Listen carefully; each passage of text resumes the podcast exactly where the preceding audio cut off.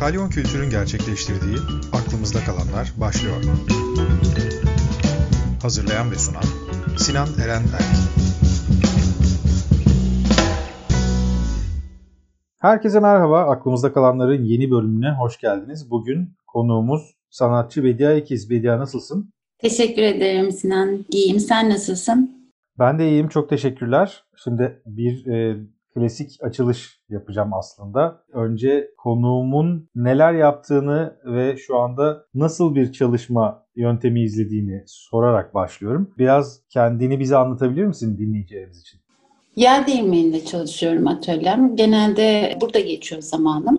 Atölye, ev, stüdyo beraber olduğu için tabii bunun da etkisi var. Bol eskizler, üretimler, boyalar, tuvaller biraz pandemiyle birlikte bu daha da yoğunlaştı. Dışarıdaki etkenler çünkü azaldı. Ders vermelerim azaldı. Ondan dolayı atölyede sürekli e, üretim halindeyim. Lisansım Marmara Üniversitesi resim iş öğretmenliğinden mezunum. Onun öncesinde Adana'da geçirdiğim çok keyifli bir Güzel Sanatlar Lisesi dönemi var. Üniversite kampüsü gibiydi orası da. Her şey ilk plastik anlamda ilk öğrendiğim yerde. O yüzden çok kıymetli benim için orası. Sonrasında da Yeditepe Üniversitesi'nde master'a başladım. Sanat hayatımın ilk özgün olarak üretmeye başladığım dönem aslında Yeditepe ile birlikte biraz şekillendi. Oradaki eğitim sisteminden çok daha çok sanatçı olarak kendini e, hissettiriyor hocalar ve sürekli üretimle geçen bir dönem oluyor. Ve sergilerimde katıldığım e, fuarlar, sergiler, workshoplar, rezidanslar, yarışmalar olsun birazcık da ondan sonra Yeditepe'de sonra şekillenmeye başladı.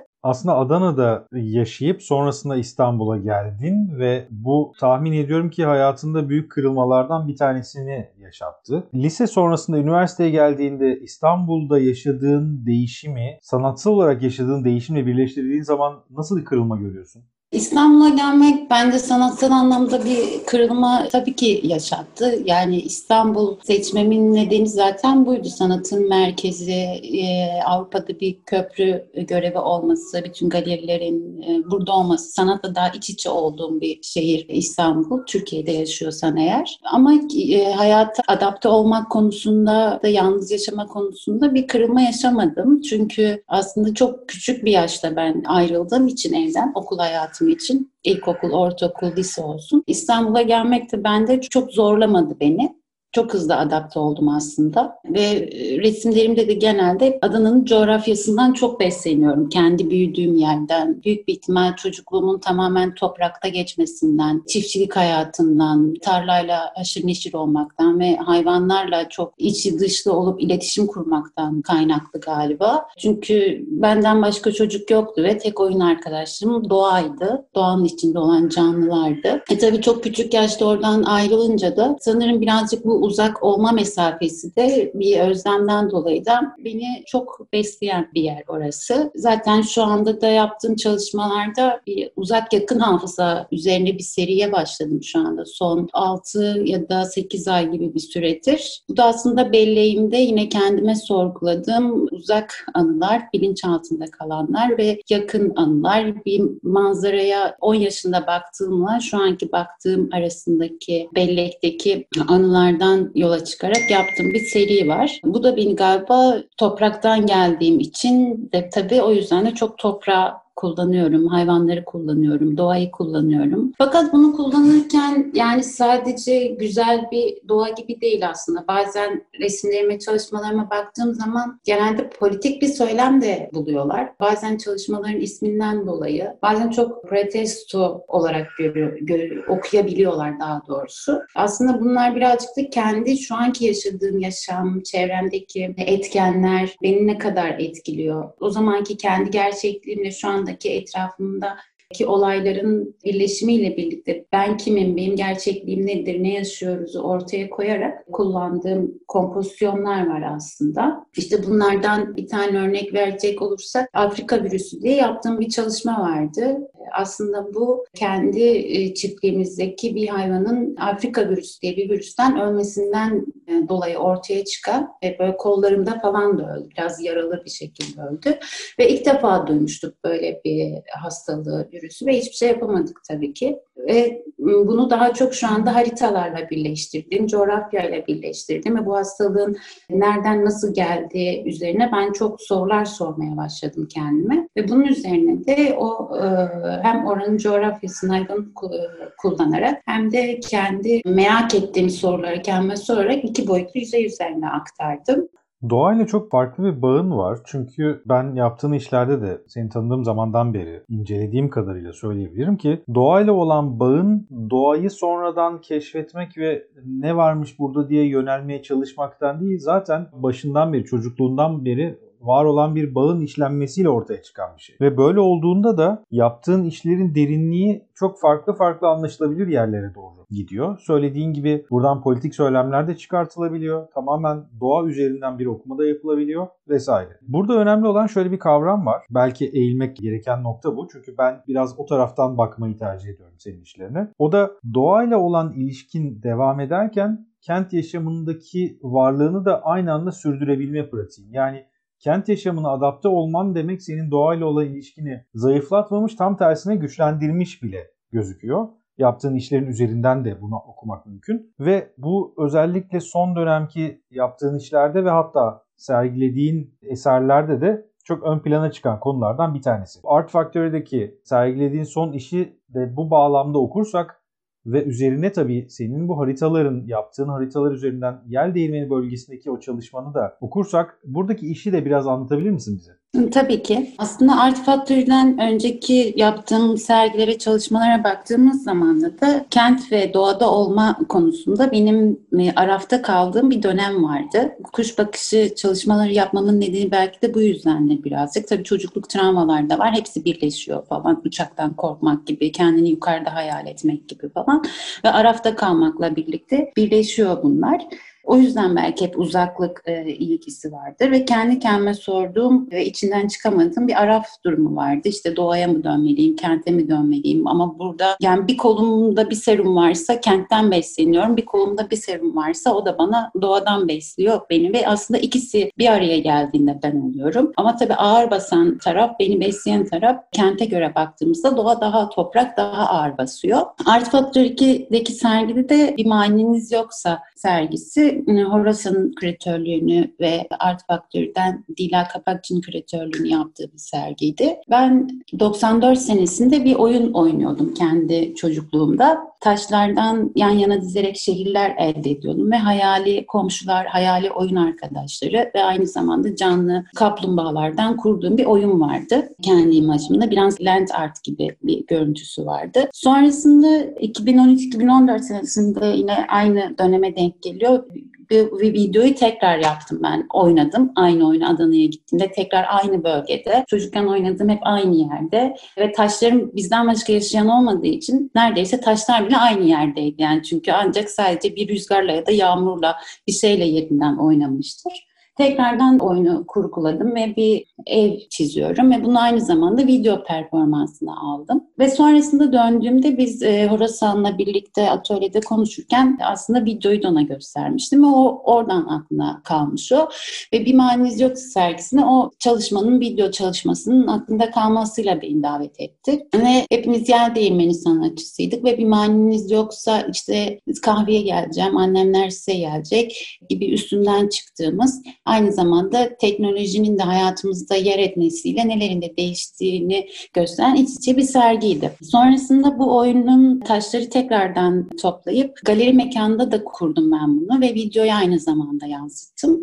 Ve aynı zamanda da bu işin yanına bir de harita ekledim. Yel değirmen haritasını. Bunu birebir çevre mühendisi olan bir arkadaşımızla birlikte çıkardık birebir ve sonra ben bunu kağıt üzerine aktararak bir bina şehir görüntüsü gibi değil de daha çok bir parsellere ayrılmış bir alan gibi gösterdim yer değirmenini. Ve haritayı da birebir kullandığımız için de diğer sergiye katılan bütün sanatçılardan adreslerini istedim.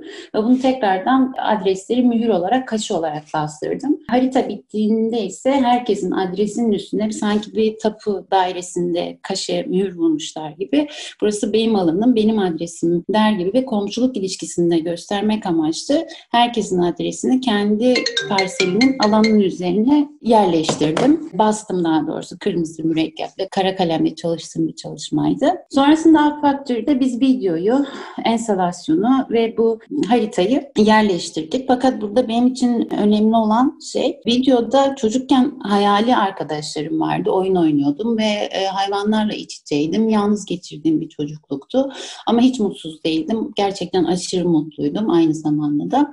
Fakat enstalasyonu galeriye kurarken şey Art Factory'ye kurarken performansı tekrardan gerçekleştirmiş oldum ve bu sefer e, doğada değil kentteydim. E, oradan bir parça buraya taşımıştım tıpkı kendimi taşıdığım gibi ve bu seferki arkadaşlarım hayali değil gerçekten oyun arkadaşlarımdı. Oradaki sa- sanatçılarla birlikte tekrardan o enstallasyonu kurmuş olduk. İşte Çağrı bir taşı aldı bir yere koydu. İşte burası kapısı mı olsun böyle mi olsun diye. Sonra sergi e, açılışında da bayağı o evlerin içine içine girip çıktık, fotoğraflar çekildik, eğlendik. Ve videoda da bir yandan da arkadan ses olarak da büyüdüğüm yerdeki doğanın sesi vardı. İşte e, rüzgar sesi, kuş sesi, kuzu sesi, işte inek sesi arkadan geliyor. Ve o kurguyu yaptığımız yere girdiğimde de kendimi e, iki anlamda da bu arafta kalma durumum çözülmüştü aslında. Yani ne oradayım ne buradayım ama şu anda nerede durmak istiyorumu kendime cevap olarak aldım ve bende bir kırılma noktası yaşadı. Çünkü tekrardan oraya dönseydim yine hayal arkadaşlarım olacaktı ve burada gerçekten o oyunu oynamak, iletişim kurarak, muhabbet ederek, birbirinde şakalaşarak oyunu kurgulamak bana burada kalmam gerektiğini ve kendime verdiğim bir cevap oldu aslında. Burada mutlu olduğumu da görmüş oldum. O anlamda benim için o sergi çok özeldi, çok anlamlıydı. Sonra bir kez daha orada anladım ki neden resim yapıyoruz, neden sanat yapıyoruz? Çünkü içimizdeki kırılmalara, cevaplara, sorulara cevap bulmak için aslında bunu yapıyoruz yani. Ve başkalarını da düşündürmek için. O sergiden kısa bir süre sonra da pandemiyle yüzleştik ve pandeminin gelmesiyle beraber bizim hayat pratiğimiz de belli bir noktada bir arafa girmiş oldu. Yani senin çocukken yaşadığın ve hayali arkadaşlarınla oynadığın oyunu biz sonrasında kendi hayatlarımızda biraz oynamaya başlar hale geldik. Tabii elimizdeki internet gibi bir takım teknolojileri kullanarak bunu biraz aşabildik ama ne olursa olsun bir noktada yine kendi kendimize kalır gibi olduk. Sen pandemi sürecinde böyle bir şeyi yeniden deneyimledin mi yoksa daha önce bağışıklık kazandın kazandığın bir şeyin üzerinden mi hareket ediyordun ve çok daha mı rahat geldi sana?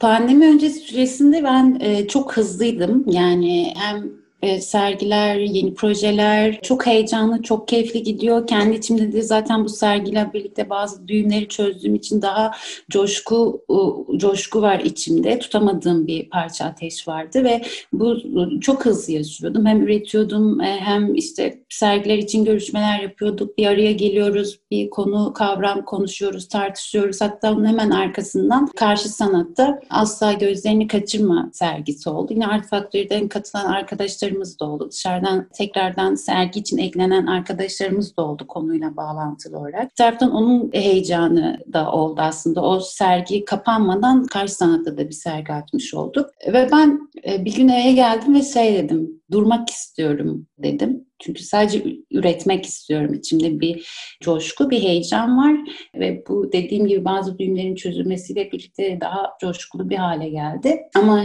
koşturmaktan e, duramıyorum. Ve bu, bunun üstünden iki gün sonra durduk gerçekten.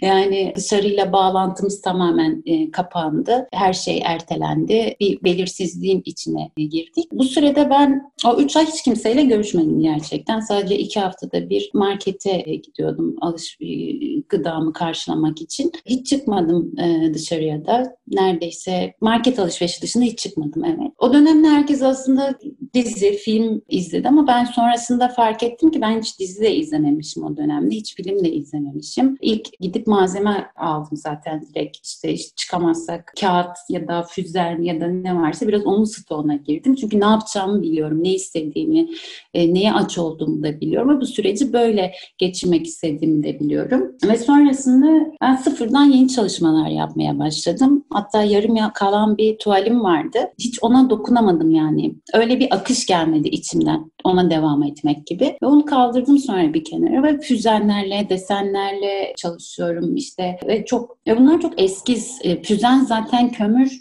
e, çok ilkel bir malzeme.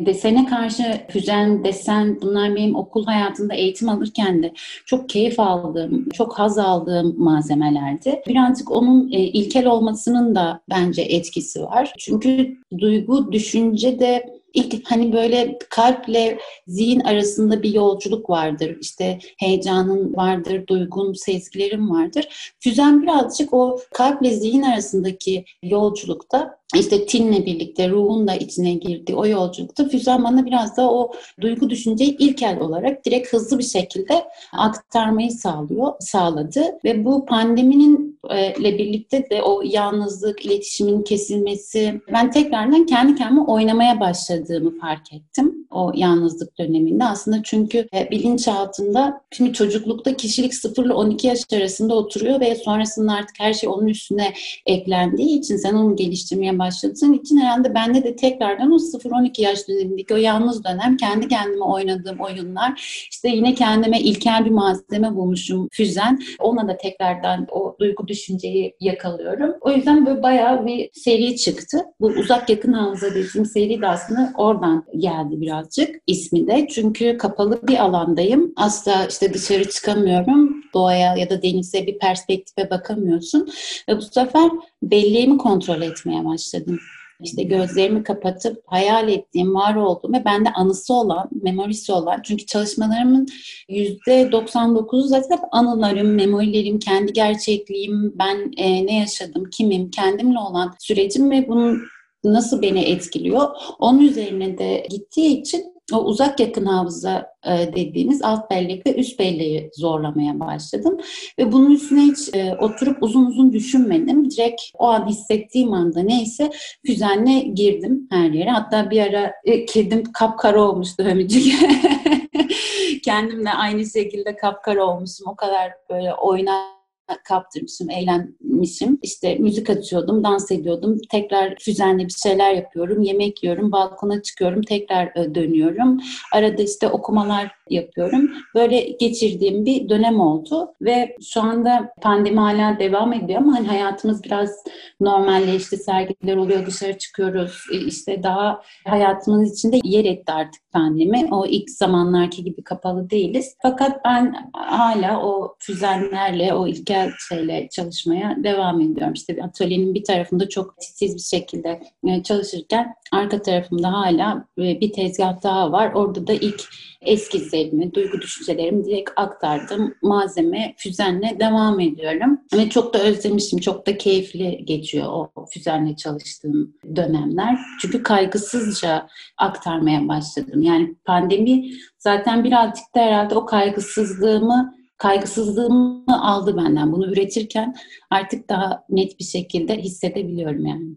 Daha önce konuşurken şunu söylemiştim sana. Bu tarz bir podcast yayınına başladığında zaman nasıl geçeceğini hiçbir zaman anlamazsın. Biz de çok hızlı bir şekilde aslında zamanımızın sonuna gelmeye başladık. O yüzden biraz şu tarafa yönlendirmek istiyorum konuşmayı. Biraz da oradan bahsedelim. İnsanlar senin o tarafını da bilsinler ve bu değerli bir uğraş. Biraz önce bahsettiğin eskizler ve hatta yazılar sende defterlerce devam eden bir süreç. Bunun bir kısmını gördüm, bir kısmını senin gösterdiğin kadarını biliyorum onları. Ama bunların çok daha fazlasının sende olduğunu biliyorum. Kendi kendini dokümante ediyorsun. Kendi kendini de bir şekilde kaydetmeye, anlamaya devam ediyorsun. Ve çocukluğunla ilgili, geçmişinle ilgili, hafızanla ilgili olan şeyleri de bu dokümantasyonlar aracılığıyla hem gözlemlemeye hem de daha çok anlamaya çalışıyorsun. Ve bu ama aynı zamanda senin bir başka özelliğinden daha kaynaklanıyor. Biraz da oraya getiriyorum zaten konuyu. Bu da çocuklarla olan çalışman. Çocuklarla olan çalışman da belki kendi çocukluğundan yola çıkarak ortaya çıkan bir sürecin sonunda içgüdüsel içgüdüsel olarak geliştirdiğine inandığım bir durum. Çocuklarla nasıl çalışıyorsun? Nasıl çocuklarla çalışıyorsun? Ve bu çalışmalar sana ne getiriyor?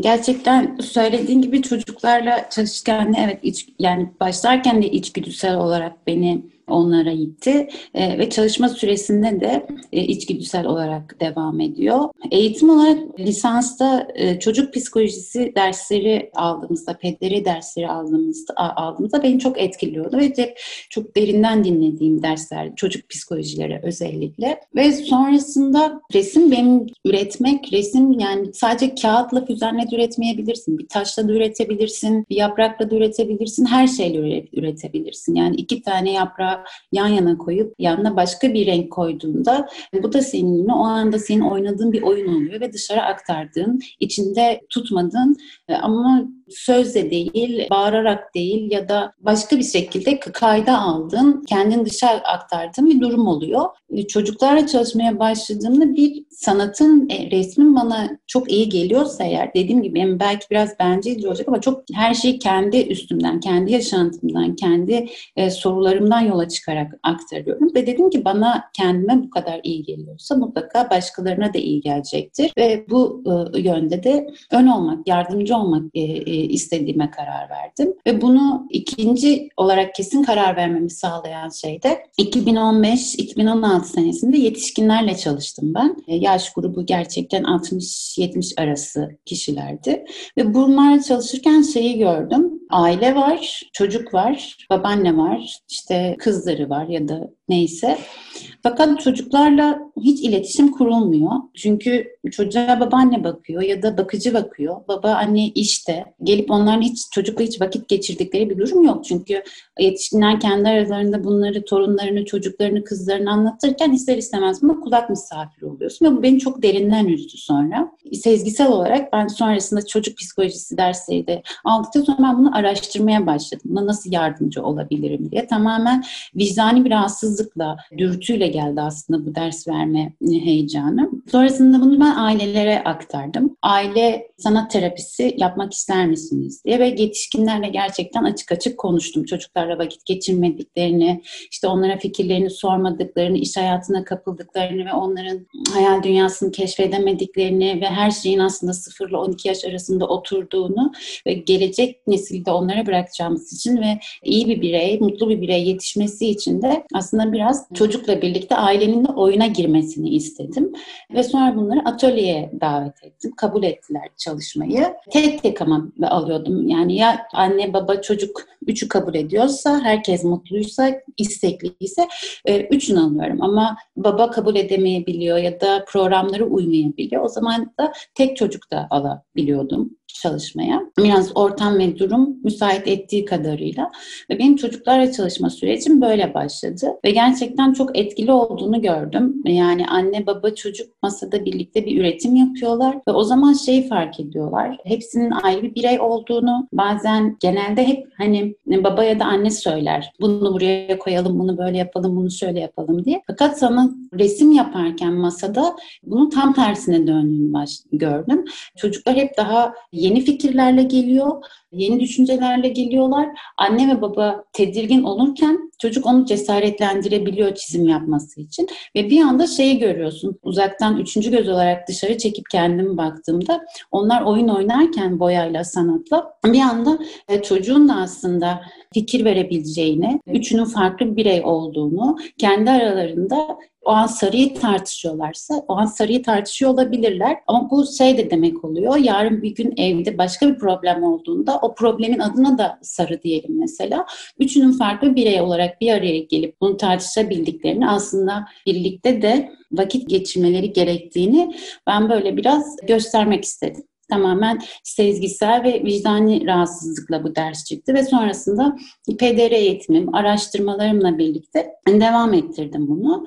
Ama tabii bunu da kendi gücümün yettiği kadar yaptım. Yani çok böyle aşırı kalabalık almadım yani e, kendim yetebildiğim kadar bir rakam tuttum. 5 ya da 3 çocuk varsa 5. E, 6. çocuğa ben artık enerjimi ayıramayacaksam o yüzden o yılmaya da girmedim. Daha küçük küçük bir şekilde devam ediyor.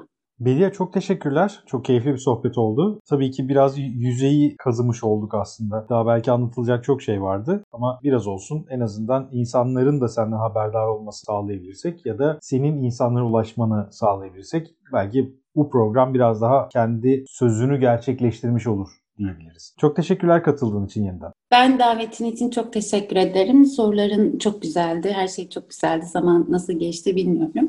Umarım yine tekrardan muhabbetimize devam ederiz. Böylece aklımızda kalanların bir programının daha sonuna geldik. Gelecek hafta yeni bir konu ve konukla buluşmak üzere. Herkese hoşçakalın.